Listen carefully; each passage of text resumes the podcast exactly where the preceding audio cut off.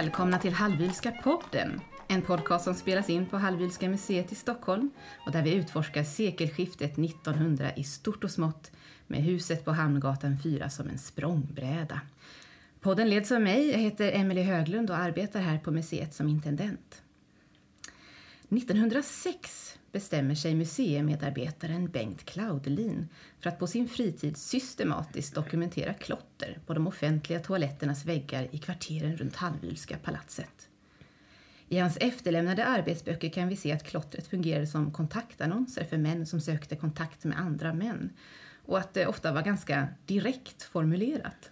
Till skillnad från på landsbygden där alla kände alla kunde man i städerna försvinna in i folkvimlet och vara en bland en mängd främlingar.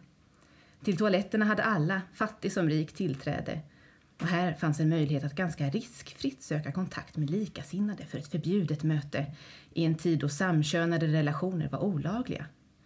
Vad kan de här böckerna berätta om Stockholm och kvarteren runt Hallwylska palatset? Vilken historia bär de? Om det ska vi språka samman idag.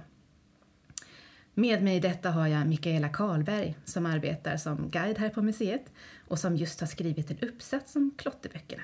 Välkommen! Tack! Och Mikaela, du gjorde ju också i somras en stadsvandring på det här temat i samband med Stockholm Pride. Ja, det var jättekul. Mm.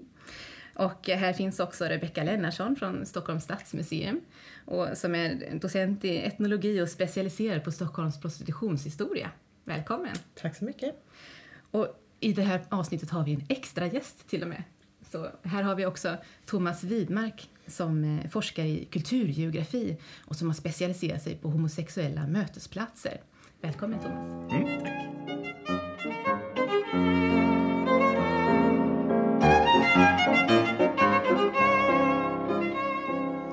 Bengt Claudelin började arbeta på museet 1913. Främst med redaktionellt arbete och att eh, tyda inskrifter i katalogsarbetet. Eh, men redan innan dess hade han alltså börjat arbeta med den här dokumentationen av klotter. Mikaela, hur kom de här böckerna till museet? Jo, men han jobbade ju på museet som amanuens och sen eh, när han dog 1939 då trodde hans släkt att det här tillhörde hans arbete här. Så då gav de böckerna till museet och sen har ju de liksom blivit kvar här egentligen. Tror du att eh, släktingarna hade läst igenom det här materialet innan de skickade det hit till museet? Oj, det är svårt att säga. Um, museichefen då, som hette Eva Bergman, hon hade ju läst igenom det för hon ville ju inte att det skulle publiceras. Hon skrev ju det till och med på boken att den får inte under några omständigheter publiceras inom detta århundrade. Och även när hon donerade böckerna till, eller gav böckerna till Nordiska museet, då skrev ju, bad hon, nej förlåt, hon bad dem att skriva på ett kontrakt där de inte heller fick publicera det. Och då motiverar hon det som att hon skriver att det är på grund av böckernas natur.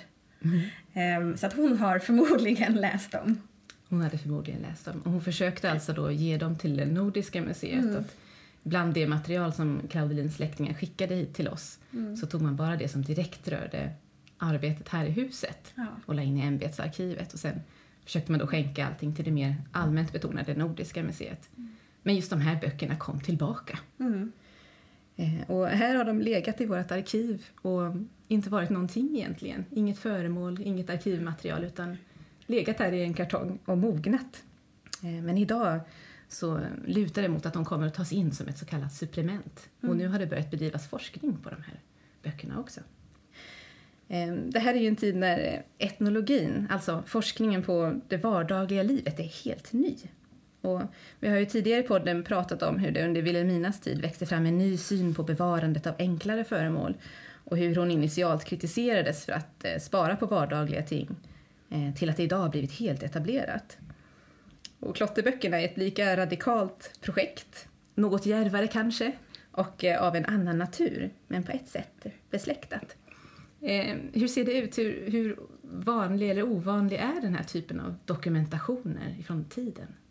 Oj, det är jättesvårt att svara på. Mm. Um, med tanke på att in, jag inte har hittat något annat som en dokumentation på klotter. Det finns ju, om vi tittar på just alltså klotter, så finns det dokumentation på det och det går ju långt tillbaka.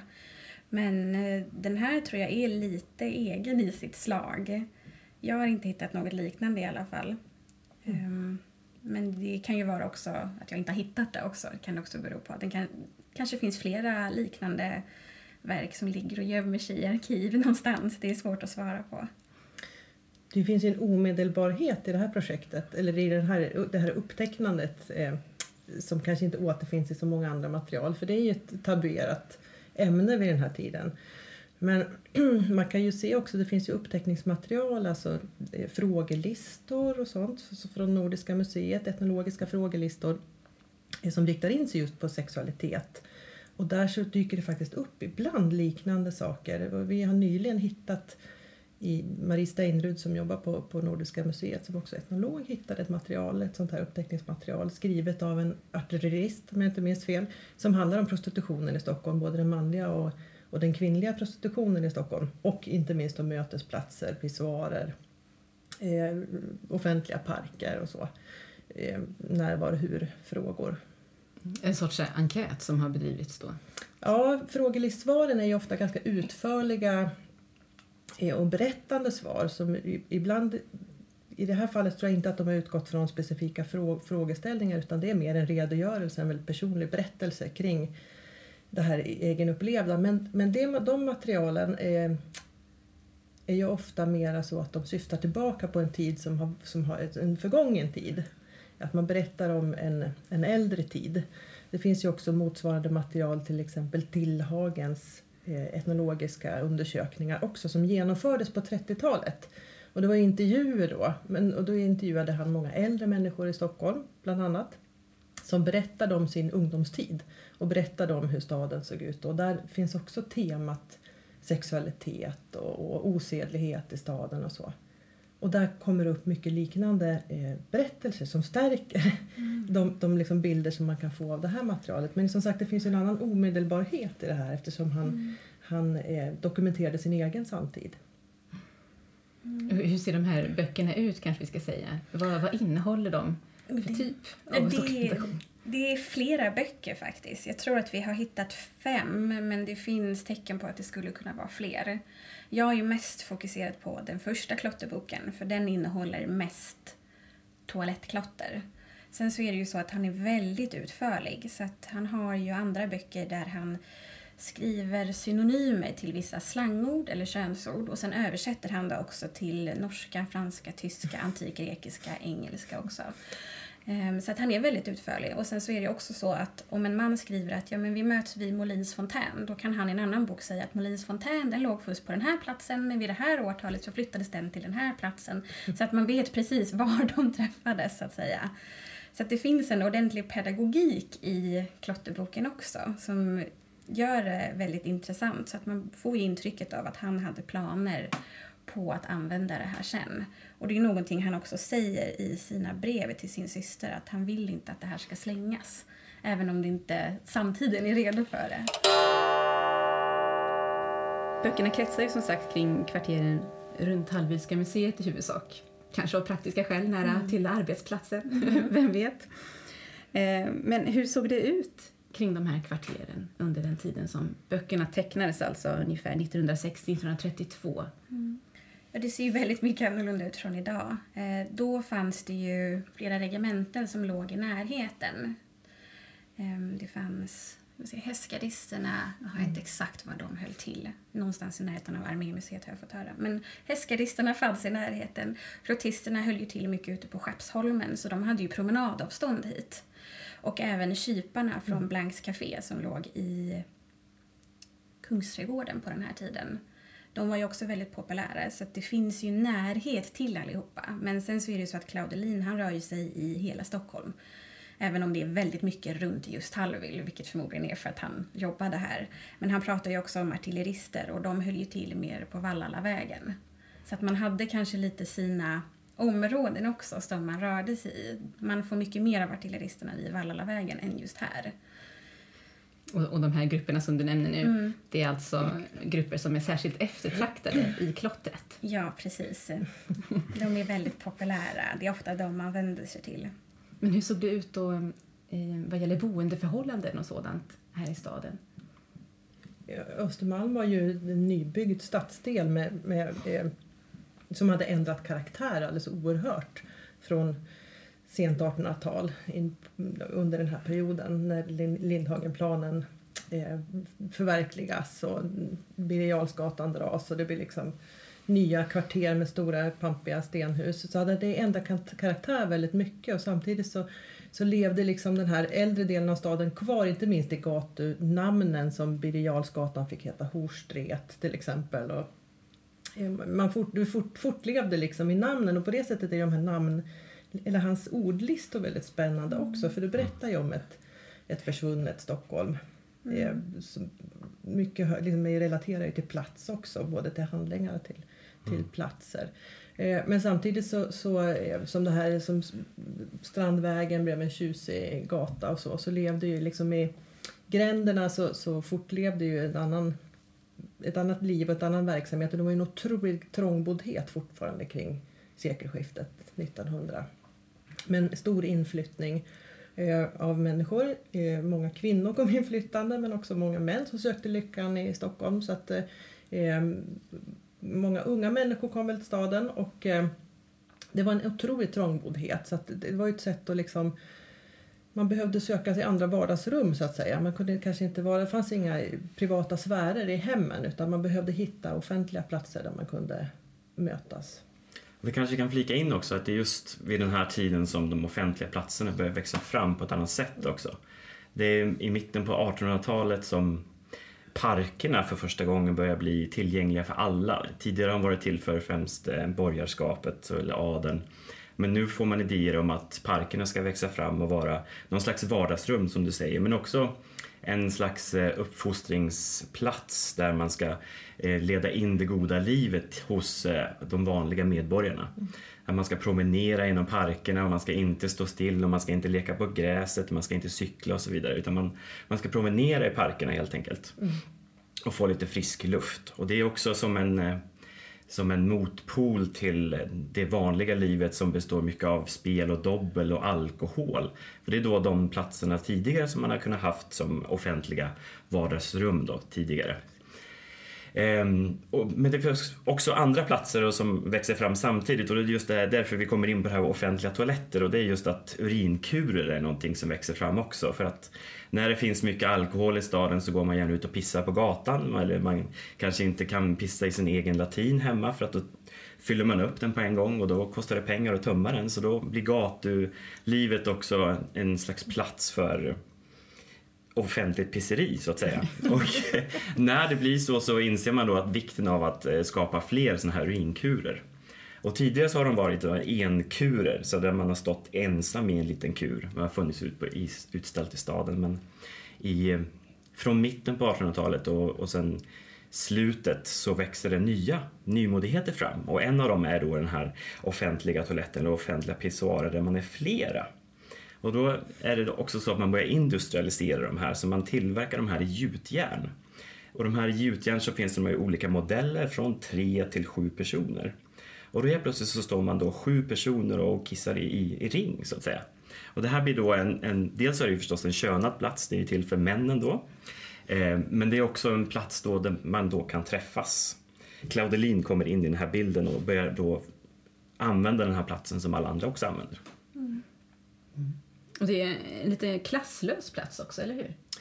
Det kan man väl säga att den är. Eh, jag tror att det finns fortfarande en uppdelning för pissoarer finns ju i hela Stockholm men just i vissa delar man rör sig. Men, men alla har ju tillgång till den på ett annat sätt mot tidigare. Så på så sätt är det ju en skillnad mot andra platser som då kostar pengar eller man måste ha medel för att komma in på. Man ska komma in på eh, Blanche Café som vi nämnde här eller man ska komma in på Berns eller man ska komma in på offentliga badhus så måste man avlägga en liten avgift. Och det betyder att man också stoppar väldigt många människor från att komma in då. Så den här platsen blir ju en plats för alla då.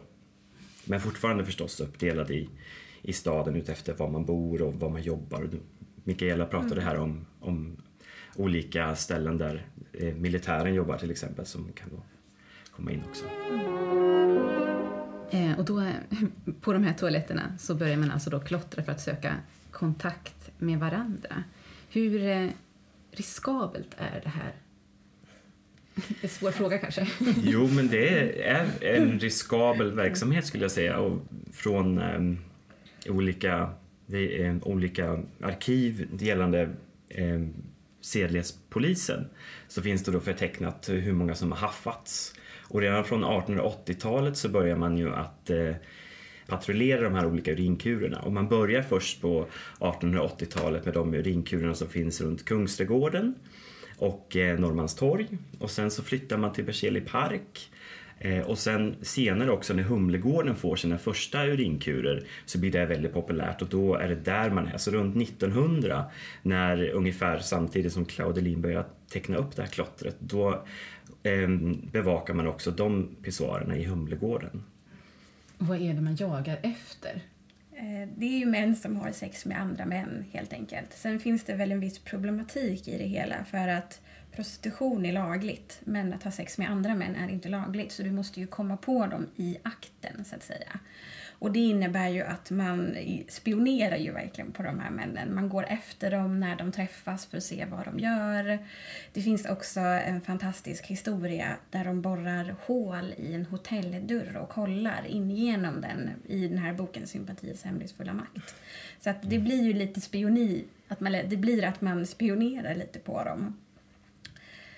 Oh, Jesus. Man kan väl lägga till att lagligheten i prostitutionen var, det var ju villkorat. Liksom. Det var ju mm. under förutsättning att man då var inskriven vid prostitutionsbyrån mm. eller besiktningsbyrån.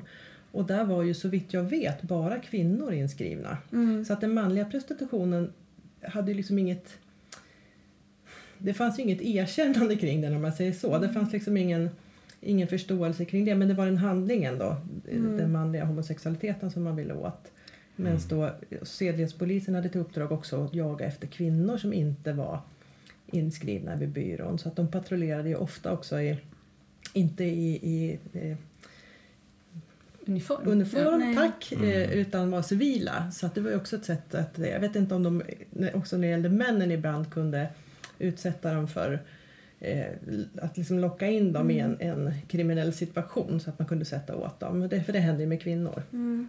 Jo men det gör de också. De har ju, det finns utsagor från sedlighetspolisen där de går in på toaletten och sen så kan det komma någon och närma sig dem.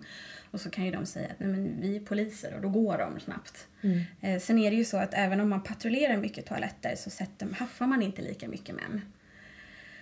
Och det finns olika teorier om detta. Det finns en man som heter Erik Torssell som var eh, soldat under den här tiden. Och han säger ju att många som var poliser hade ju varit gardister tidigare och i princip alla gardister sålde sex, ansåg han det som. Så att det blir ju som att de här poliserna hade förmodligen sålt sex tidigare också.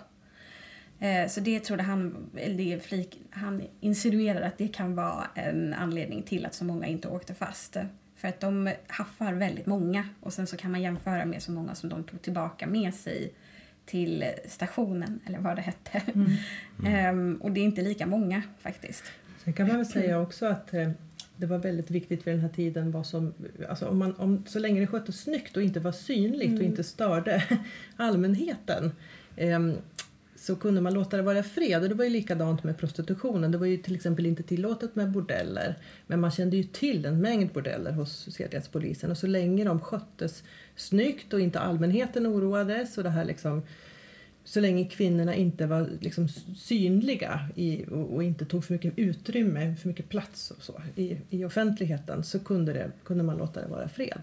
helt enkelt. Mm. Sen fanns det väl andra faror också, tänker jag, förutom att faran att haffas av en sedlighetskonstapel så, så fanns väl också faran i att det här var helt anonyma möten och man faktiskt inte visste vem man hade gjort upp ett möte med. Och så, som jag förstod det i de här klottren så fanns det också varningar, ibland liksom direkta som pekar ut eh, individer som, som farliga och ofta handlar det väl om ja, dels smitta från kvinnor men också eh, tjuvar och, och banditer och att man kunde bli rånad eller kanske misshandlad också, det vet jag inte. Jo, det förekommer mycket av det. Många säger ju att det är bättre att gå till män än mm. till kvinnliga prostituerade. Sen är mm. inte deras ordval prostituerade, men vi kan ju, kan ju hålla oss lite någorlunda värdiga här.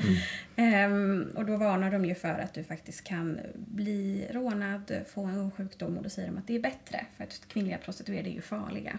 Och vid något tillfälle på 1920-talet då varnar de specifikt för en svarta Julia som är en manlig lärka, säger de. Och det är ju prostituerad. Och då säger de också att det här är en person som du förmodligen kommer att bli rånad av och att han går runt i en gråblå kostym så att vi vet ju hur han ser ut också. Jag tror kanske att det också är lite otäckt att träffa andra män om man då ser att polisen förtecknar en. Det är ju flera gånger som polisen då står utanför och förtecknar och skriver ner namn och sen för böcker på det också. Eh, och det leder ju till att man då förstår att det här är ju förenat med fara. Så jag tror att eh, känslan av att gå till en plats där man kunde träffa någon kan både vara förenat med att glädje och en känsla av att man kanske ska få utlopp för sina känslor men också att man, man gör någonting som är förbjudet och man kan också råka illa ut. Och Jens Rydström som har forskat kring hur många som har lagförts under den här tiden just i, i hela Sverige. Han har tittat i Stockholm och det är ungefär 250 personer som har blivit lagförda för det här och det är rätt många om man tänker sig under en väldigt, även om det är en lång tid, men det betyder också att det, det är förenat med att man, man kan faktiskt hamna i straffarbete. Och under den här tiden står, står det förstås inte i lagtexten att det är förbjudet att vara homosexuell utan det är då otukt mot naturen som, som mot naturen är som är olagligt. Det vill säga att ha sex med en, med en annan man om man är man eller ha sex med en annan kvinna om man är kvinna. Så får man ju komma ihåg att alla män som kom till de här pisarerna naturligtvis inte, var, inte sökte kontakt med andra män heller. Mm. Och det ser man ju också i det här klottret, att, att visst klottret är väldigt hat, hatiskt och hotfullt. Och det måste ju också ha varit en risk när man klottrar, i synnerhet om man bestämde en mötesplats eller försökte stämma träff med någon. Att det måste ju alltid ha funnits en viss risk förbunden med det också. Mm. Att en man som eventuellt dök upp på den här mötesplatsen inte var någon som faktiskt ville träffas utan som var ute efter någonting annat. Ja, jo så är det ju. Och det är ju lite det här att du vet inte vem du träffar heller. Så att det är någon man, han säger att han vill träffa en ung man utanför operan under tidigt 20-tal och så säger han att han vill att den här mannen ska ha en blomma eller en bit papper i knapphålet. Men det betyder ju att det kan dyka upp fler män och de vet ju inte hur han ser ut. Så att det kan dyka upp tio män med en blomma i knapphålet men då får ju han gå och välja också. Så att det finns ju inte heller en garanti på att du faktiskt träffar någon. För de måste ju också dyka upp under det här mötet.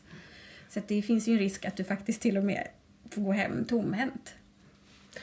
Och så tycker jag att det är intressant med den här vinklingen att det är kvinnorna som är de farliga i det här ja. sammanhanget. Ja, För det, är någonting, ja, det, jag tänker att det, det sker ju en stark förändring sen ja, men när aids kommer och liksom homosexualitet förknippas liksom med könssjukdomar i, ännu mer än prostitution, i synnerhet då den här reglerade prostitutionen. För den innebar ju en eh, venerisk kontroll av de här kvinnorna som var inskrivna vid byrån och syftet var ju just att man skulle förhindra smittspridning och att kvinnorna skulle vara, man skulle kunna vara säker på att kvinnorna var rena liksom, och osmittade. Eh, så det, det, tycker jag är lite intressant att det, den bilden finns mm. eh, och att det, det verkar fanns det en föreställning om att det här var liksom ofarligt när det gällde smittspridning? Den manliga sexualiteten, homosexualiteten. Man tänkte sig alltså att, eh, att könssjukdomar spreds av kvinnor i huvudsak och inte män. Mm. Alltså det är både och i klotterboken faktiskt. Så ibland så säger de att man kan bli sjuk av prostituerade men då säger de att det kan vara manliga och kvinnliga. Mm. Sen är det lite mer kvinnliga. De insinuerar ju verkligen att kvinnliga prostituerade är farliga. De använder just ordet farliga mm. rätt ofta. Och då går de inte in på vad det är som är farligt, om det är könssjukdomar eller att man kan bli rånad eller andra saker. Mm. Men det rimmar ju med den formella retoriken också kring den här eh, reglementeringen. För där var ju argumentet just att kvinnorna sprider smittan, män är de som blir smittade och därför sätter vi in skyddsinsatser mot kvinnorna. Det är de som ska kontrolleras och inte eh, de manliga kunderna.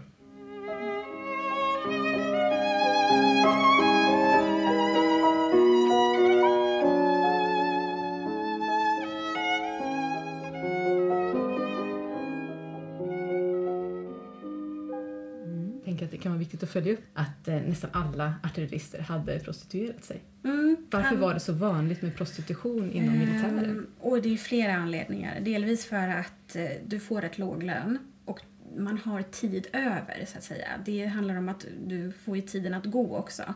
Många har ju beskrivit det som att de kunde exempelvis sälja sex på onsdagskvällen och då kunde de ta ut sin flickvän på fredagskvällen. Så att det var ett sätt att tjäna pengar, helt enkelt. Ett enkelt sätt att tjäna pengar på. Och det verkar som att många gjorde det här också. Om vi går tillbaka till Erik Torssell så säger han att de hade ett eget begrepp för det. Det kallades att sno bög. Så att någon gång så berättade han att en man hade ringt för att prata med sin son på regementet och så hade någon svarat och sagt att nej, nej, men han är ute med en bög. Och så hade det blivit en jättegrej av det. Um, så ja, det verkade ju vara som att det var rätt vedertaget liksom. Eh, och han säger också att eh, det här var ju ett sätt för män, om de hade den här läggningen så kunde de leva ut den. Men han tillägger också att eh, om du inte ville misstänkas för att vara homosexuell, då var det bäst att ta betalt. Intressant att det kan vara så annorlunda mm. syn där mm. i som en liten bubbla inom militären av alla platser mm. mm. där, där det är tolererat. Ja. Och där det, här, det liksom man föreställer sig att det finns en machokultur väldigt tydligt. Ja. Så det är rätt mm. spännande tycker jag. Det fanns ju en toalett ute på Skeppsholmen men den fick man måla igen för att folk använde den för att komma i kontakt med varandra, sexuella kontakter. Eh, så den, den är med lite här men inte jättemycket för den fick man ju måla igen. Det finns någon fin tidningsurklipp tror jag också bland sidorna i klotterboken om detta. Mm.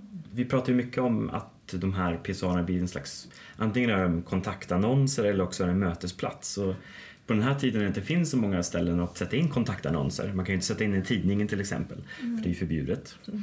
att bedriva otukt och man kan liksom inte heller gå ut på baren och bara flörta med vem som helst, om man då inte gör det. Så då blir ju den här toaletten någon slags, någon slags dåtidens Tinder.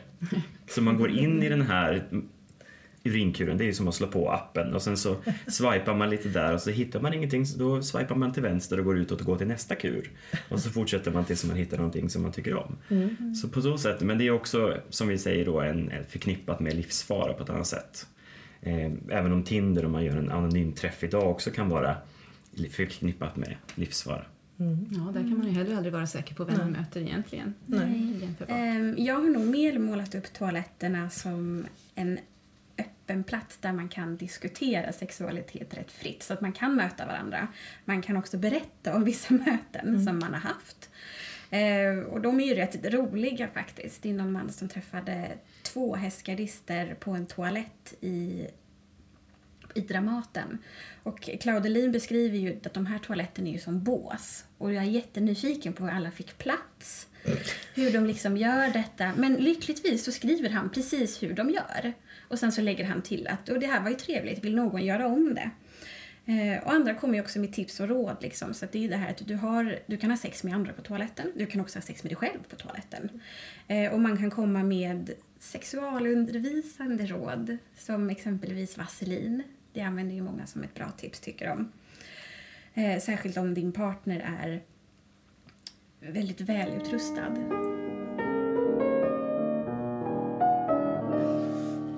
Och hur stort eh, var det sociala stigmat kring homosexualiteten? Och var det samma för fattig och rik? Vilka möjligheter hade man att egentligen leva ut detta? Nu har vi pratat om att vara förknippat med livsfara och det är klart att det, det är också stigmatiserat. Det är, under 1900-talet så myntas ju nya begreppet homosexualitet.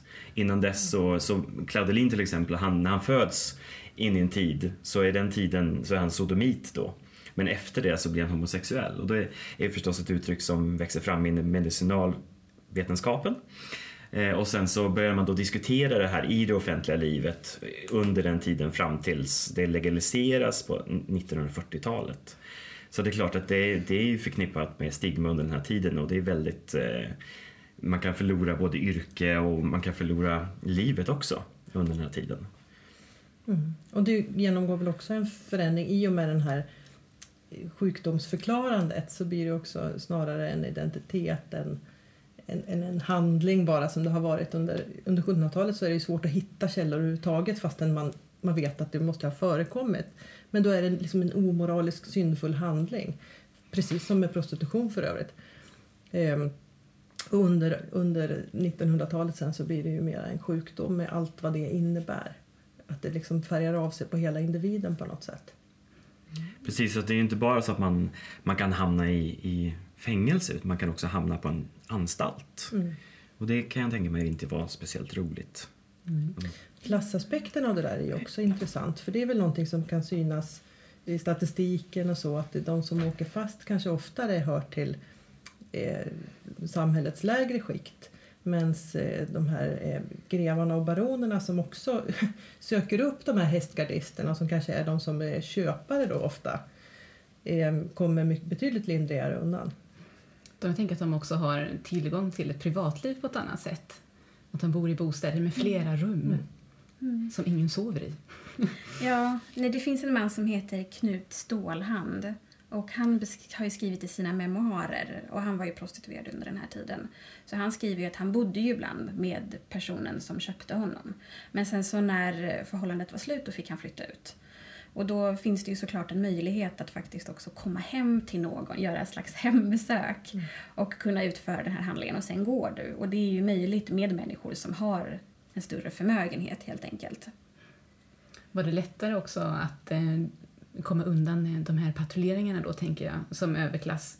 Jag tänker på det du berättade, Rebecka, om att eh, så länge man inte stör allmänheten. Mm.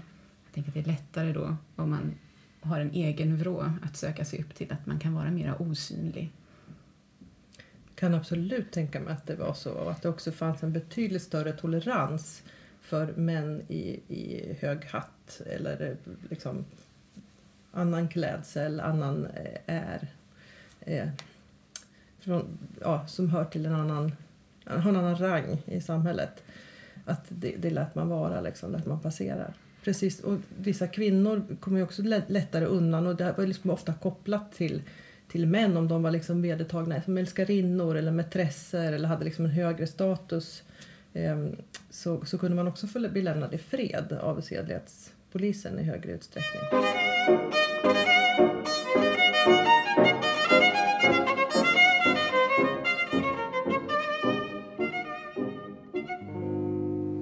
Går det att utläsa någonstans eh, klassaspekter i vem som klottrar vad. Liksom. Eh, det, det, du skriver lite grann om det, att det är de som söker upp oftast är Nej, det är det inte heller. Det, det finns från bägge håll där också. Ja, det... De som säljer och de som vill köpa. Så. Ja, det är lite mm. svårt där. Sen så har jag tolkat att det finns en liten klassaspekt i att många vänder sig till unga män. Mm, de som många... vill köpa vänder sig till unga Ja, och många som också är unga säger att här är jag, jag, jag kan utföra det här för de här, den här pengasumman. Ja. Så att många pratar ju mycket om unga män och jag tänker att de har väl en viss utsatthet i och med att ofta är de alltså väldigt unga. Mm. Eh, de är i en 15 och 20 års ålder. Mm. Och då hade man väl en annan syn på ungdomen vad vi har idag. Men idag blir man ju bestört om en 15-årig kille säljer sex till mycket äldre män. Mm. Men eh, då gjorde man ju det. Vi kan ju säga någonting också just eh, som jag uppfattar klottret i den här dassboken eller klotterboken så är, är det främst de här toaletterna, offentliga toaletterna runt de här kvarteren som vi är i just nu. Ehm, men vi vet också från andra fall i, hos sedlighetspolisen att alla toaletter i Stockholm var potentiellt en plats där man kunde mötas. Så man kan också få en liten skev bild genom att bara se de här toaletten där främst överklassen har rört sig om man inte ser klottret som fanns på de andra toaletterna. Och det finns tankar om att det skulle kunna vara så att det är en, någonting annat som står i dem, men det kan vi inte veta för vi vet inte vad som står i det. Mm. Och det är ju en begränsning att ha ett material som är bara riktat på en viss, från en viss person, en viss tid och på en viss plats.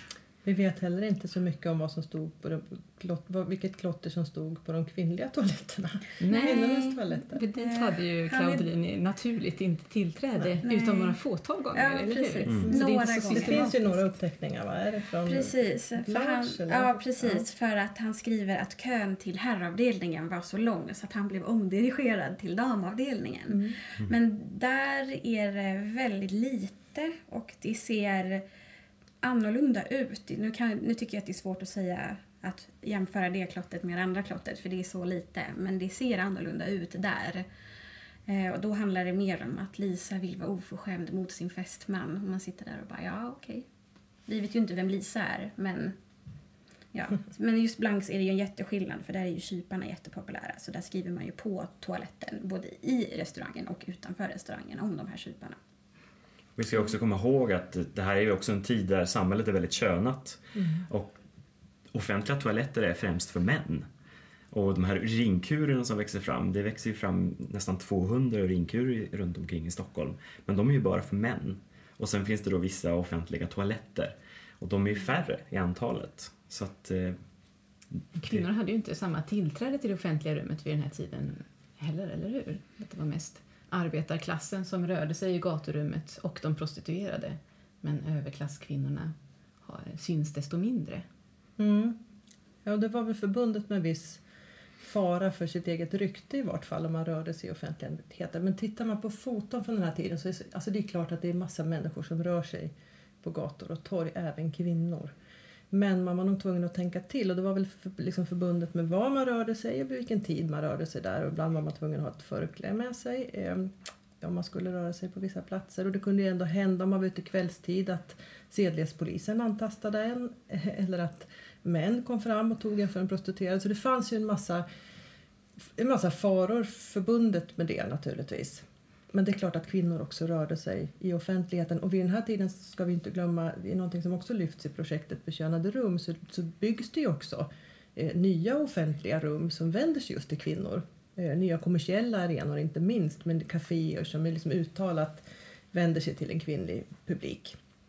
Under 1800-talet. Och, och ja, men precis. Det, kvinnan som, som eh, en, en varelse som, ska, eh, som går igång på kommersiella begär liksom, är någon, någonting som också växer fram väldigt tydligt under sent 1800-tal in på 1900-talet. Och det finns en, en stor marknad upptäcker man som vänder sig just till kvinnor. Eh, så att det växer ju fram nya offentligheter, nya offentliga rum även för, för kvinnor. Eh, men jag kan ju föreställa mig eftersom sexualiteten och allt som har med kroppen att göra fortfarande under den här perioden är så tabubelagt eller laddat att att uppsöka en offentlig toalett i en park. Det måste ju ha varit Alltså då ska man vara, vara i riktig nöd som borgerlig kvinna om man ska gå in där och liksom vara helt synligt. Eh, det fanns något som hette Struntkvist tryckeri, tror jag det kallades det för i folkmun. Var inte det någon sån här offentlig toalett? Jag tror att den låg i Kungsträdgården. Och den fick ju lite, så här, liksom, lite pornografisk prägel i, i verser och det, alltså det blev ju lite humoristiskt. Så jag kan föreställa mig att det fanns en eh, särskild laddning kring att uppsöka sådana offentliga etablissemang om man var kvinna.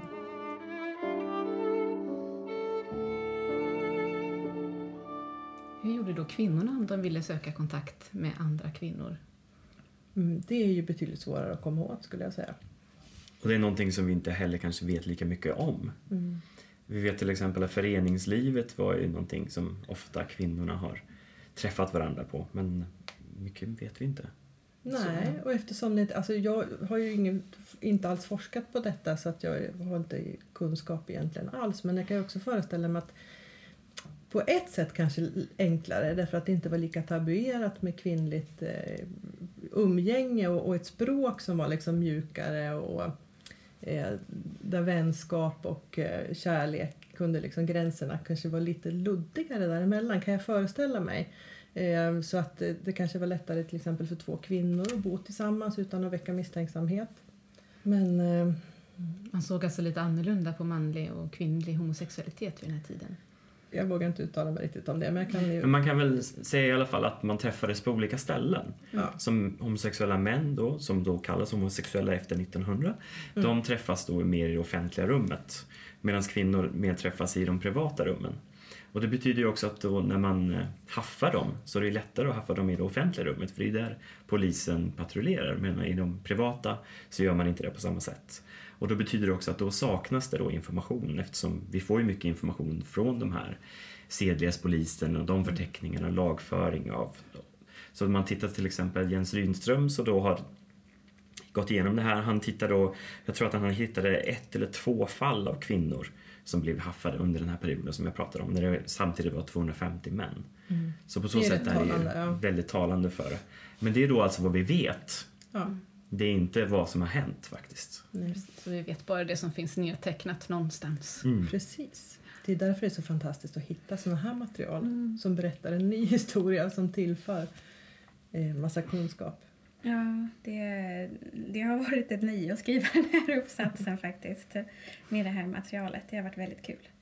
Ja, har du några favoritcitat som du vill dela med dig av till lyssnarna? Jag tror att de är rätt grova. Jag vet inte om jag kanske bör... Ja, man har ju några. Vi ska se om jag hittar några här. Ehm, den där tycker jag ju mycket om. Den jag pratade om tidigare. Den där är ju lite väl hemsk, så den hoppar vi inte. Den ja, det... Ja. Ehm, vi kan ju ta... Ehm, Du får ju verkligen en pornografisk prägel också, Ja. tänker jag. Att det fungerar som någon slags stimulans eh, när man så, Ja. tipsar varandra. Eller bara det här med liksom att man bara berättar vad man har gjort för någonting. Ja. Att det i sin tur kan... Ja, så jag föreställer mig det. Och särskilt med de här tipsen som kommer också. Hur du kan göra för att ha sex med andra eller för att ha sex med dig själv. Mm. Någon tipsar just om det här med vaselin någon gång. Om någon annan svarar Har någon testat det här? När ska vi ses? Liksom kommer direkt och bara När kan vi göra det här? Som uppenbarligen en man som verkar nyfiken på att testa detta med vaselin. Ehm, och han fick ju svar också så att man får väl hoppas att han fick testa detta också. Sen finns det ju en del teckningar också. Mm. Eller hur? Mm. Det, det verkar ju som att han verkligen har hållit upp ett smörgåspapper och, och liksom tecknat av Mm. det Jo. som har varit på väggarna. Ja. Så han har ju varit oerhört noggrann. Ja, kalkylerat. Och han är så mysig också för att när de skriver storleken på sitt kön då kan man skriva i tum eller centimeter. Så då har Claudine varit så snäll och bifogat en liten mätsticka som går att veckla ut. Och då är det centimeter på ena sidan och tum på andra. Så att vi kan översätta och det gör han själv också på sina ställen. Men det betyder att vi kan också översätta hur stora dessa män var. Ehm, och det också bidrar väl till den pedagogiska synen i det hela också. En noggrann man. Säkert mycket kapabel att ge sig in i Vilhelminas katalogarbete, får man ana. Man Precis. undrar vad hon- hur hon hade reagerat om hon hade känt till detta.